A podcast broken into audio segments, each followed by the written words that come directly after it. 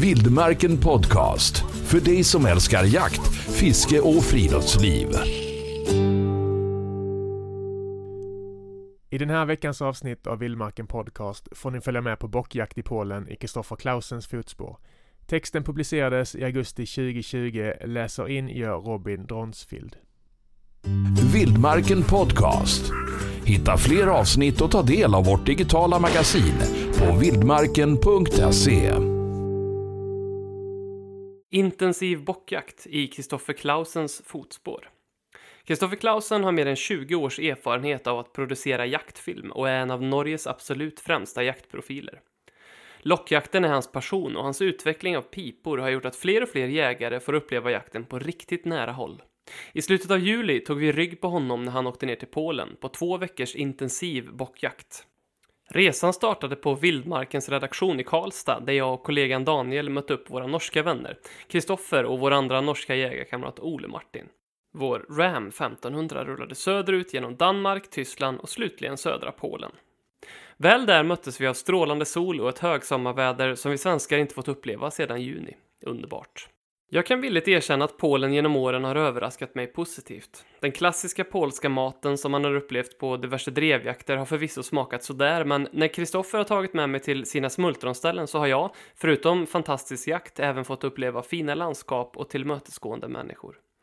Överlag märker man att landet har en klart växande välfärd och en infrastruktur som blomstrar. Dessutom är det faktiskt i Polen av alla länder som jag har ätit mitt livs godaste pizza. Första området vi jagade på bestod nästan uteslutande av sådd åkermark, där tröskorna gick för fullt under dagarna vi var där. Solen gassade och det dröjde inte länge innan vi förstod att där fanns enormt mycket rådjur, men inledningsvis såg vi dem endast på långt håll. Det är svårt att jaga i öppen terräng och för att komma bockarna nära fick man göra jobbet ordentligt. Vi höll oss lågt längs med buskarna och använde dessutom en hemmagjord bulvan i form av en rådjursattrapp som skulle ta bort fokus från oss. Det var lite omständigt rent logistikmässigt, men det var väldigt kul att testa. Småviltjaktens Rolls Royce. Den andra veckan reste vi norrut. Där påminner landskapet mer om hemma, men mixat med vackra ekskogar och enorma vidder. Att få locka bock tillsammans med Kristoffer Clausen är något som tar en syn på bockjakt till en helt ny nivå och hans energi och entusiasm lyfter upplevelsen ytterligare. Jag har många svenska bockjakter i ryggsäcken och tycker att det är en härlig tradition och ett efterlängtat startskott på jaktåret. Kristoffer har visat mig att det ändå kan vara så mycket mer. Att det är något som kan ge puls och adrenalinpump som kan jämföras med den jaktform du brinner mest för. Om det så är en knakande kvist på drevjakt eller en ihållande ståndskall på älg. Det här är småviltsjaktens Rolls Royce. Varför reser man då till Polen för att jaga råbock när det finns gott om jakt på hemmaplan? Svaret är enkelt. I Sverige är brunsten nästan över när jaktperioden startar den 16 augusti. I Polen är bockjakten däremot lovlig under hela sommaren. Det handlar om frihet under ansvar och är något som de polska jaktklubbarna som vi har besökt här tar på största allvar. De bockarna de vill att vi fokuserar på är mindre bockar med dåliga anlag, bockar med abnormala horn eller äldre bockar vars prime time är förbi. Snygga sextaggare i sina bästa år ska vi därför låta passera, något som är lättare sagt än gjort när det kommer dundrandes in på vad som närmast kan beskrivas som lassoavstånd. Dokusåpa i viltriket. Att vara på plats i så här rådjurstäta områden precis innan brunsten är nästan som att få uppleva en dokusåpa i viltriket. Dagarna före ser man de små bockarna uppvakta getterna som ännu inte är redo, medan de äldre bockarna mer eller mindre vilar upp sig i skuggan, i väntan på det rätta tillfället.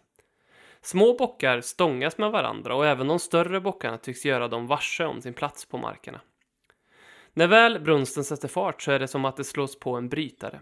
Plötsligt ser man hur de äldre bockarna inte längre tillåter de små att vara i närheten av deras get eller getter och de uppvaktar nu själva damerna från morgon till kväll. Det är nu, när det tycks dofta som bäst av damerna, som lockjakten är som hetast. Det är även nu som det är som lättast att locka in de mindre råbockarna. De vill ta sin chans och kommer gärna om någon ropar. Även de större kan komma in, men de som redan skaffat sig damsällskap tycks inte vilja lämna deras sida oavsett tonart på lockpipan. Om man däremot väljer ljusare toner som ska imitera ljudet av Kid så får man istället damerna på fall. Och efter kommer gärna bocken. Under dagarna såg vi upprepade tillfällen hur många av de mindre bockarna blev bortjagade av de mer dominanta individerna. Och emellanåt, när man hade provat locka in en mindre bock, så blev han tveksam. Inte på grund av ljudet av geten, utan snarare verkar han orolig över att vi blev bortjagade av en annan bock. På grund av detta så har vi vid flera tillfällen kommit nära en stor bock som jagat bort en mindre, men som sedan på tillbakavägen bara kollat läget hos oss. I brunstens sista skede. Efter några heta dagar så svalnade den hetaste aktiviteten. Man märkte att bockar och getter gick tillsammans, likt par, men vi kunde även se hur flera getter eller bockar gick tillsammans utan att bråka så som de hade gjort tidigare. Om de helt enkelt vilade upp sig eller lutade sig tillbaka som vi själva kan göra i sambolivet ibland är frågan. Hur länge brunsten håller i sig råder det dela meningar om och de bockarna som fått komma till hänger gärna kvar tillsammans med getterna i veckor framöver. Det är i detta skede, eller ännu senare, som bockjakten i Sverige börjar och därför kan det vara svårt att få in dem där hemma. Men Kristoffer berättar att det fortfarande finns hopp och när jag frågar om hur man kan lyckas med lockjakten även när brunsten är i sin slutfas så kommer svaret snabbt. En teori jag har är att de äldre bockarna vet när det är över och kommer inte att komma in på lock, i varje fall inte på flera hundra meter som de kan göra under högbrunsten. Vill du ha upplevelsen av att bocken kommer in trots allt så måste du försöka hitta området där bocken håller till. Det kan du se genom att det är rikligt med fejningar på träden och uppsparkad mark, säger Kristoffer Clausen. Han tillägger att det såklart är viktigt att man har koll på vinden och att man tar sig dit obemärkt. Börjar du locka i hans territorium så kommer han högst troligt att vilja kolla läget och du kan få uppleva känslan när bocken kommer till dig istället för att du söker upp honom, säger han. Måste gå all in. Kristoffer Clausens hetaste tips när det gäller att locka rådjur är att gå all in. Han menar att man bör locka aggressivt, hårt och intensivt. Trots att Kristoffer är en äkta jägarsjäl så är tålamod kanske inte hans starkaste sida.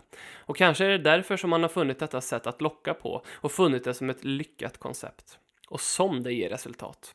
Är det bock eller get i närheten så kommer de ofta in som om de vore skjutna ur en kanon. Även om brunsten inledningsvis på resan var lite trög så var det som få som till slut inte kunde låta bli att skutta in för att kolla läget. De enda gångerna som vi faktiskt inte fick in något på lock var när bocken och geten verkade ha parat ihop sig ordentligt och då bocken haft fullt fokus på den get han lyckas få på fall och heller inte låter geten sticka iväg för att kolla in vad det är som piper. Öka chanserna till lyckad bockjakt. Under resan samlar jag på mig massor av tips om hur man ökar chanserna att få en lyckad bockjakt. Vinden har vi redan nämnt, men det tål att upprepas. Det är otroligt viktigt. Man får aldrig låta viltet få vind av sig, då är det kört. Att anpassa längden på sina pass är en annan viktig faktor. Det är beroende på vilttäthet och hur stora marker man har givetvis, men har man gott om areal så kan man locka 10-20 minuter på varje ställe. Är det rådjur i närheten så kommer de. Annars är det dags att byta pass och hoppas att någon är nära nog, om du lockar blint. Ha alltid ryggen täckt. Med andra ord, du bör alltid stå emot skog, träd eller dylikt och aldrig stå i siluett. Har man bock eller bock och get på långt avstånd och märker att de inte verkar bry sig om att man lockar så gäller det att ta sig närmare. Ibland händer det att de man vill locka in inte verkar intresserade för att de är långt bort och istället kommer en annan lillkille in. Vill man åt den svårskärmade storbocken så kan man behöva smyga nära. Kommer man obemärkt in på nära avstånd och lockar så kommer garanterat bocken och eller geten in för att kolla in lockljudet och då ge en chans. Jag har ofta sett hur folk har noterat bockar på flera hundra meters håll och trott att de ska komma in, men det är sällan som det blir så. Man måste jobba lite och så drar pipan in dem det sista. Det är detta som ger extra pump i hjärtat och adrenalin när de väl kommer in. Först får man slita lite och sen kommer de in. God utdelning. Med hjälp av dessa metoder har vi fått vara med om en magisk jakt. På två vapen, vi har turats om att jaga och filma och fota, har vi fällt över 40 bockar, 10 rävar, 2 mårdhundar och 8 vildsvin på 10 dagar. Något som är en livstid av troféer för många jägare. Alla upplevelser fångades på film och kommer inom kort upp på Kristoffers streamingtjänst Klausen TV. Gott om bonusvilt. Blindlockar man, alltså lockar på ett pass utan att se några vilt till att börja med, så kan vad som helst hända. Antingen dyker det upp bock eller get från oanade vinklar eller något helt annat. Under resan har vi haft närkontakt med många rävar, men även mårdhund, grävling, mård och dessutom nyfikna vildsvin i de norra delarna där vildsvinstammen är stor. Jag är väldigt tacksam för att jag fick möjligheten att uppleva den här jakten och det goa sällskapet. Vi har gått upp mot ungefär två mil om dagen och då har vi jagat från runt fyra på morgonen till tio på förmiddagen och från fyra på eftermiddagen till tio på kvällen så har sömntimmarna varit få, men det har inte spelat någon som helst roll.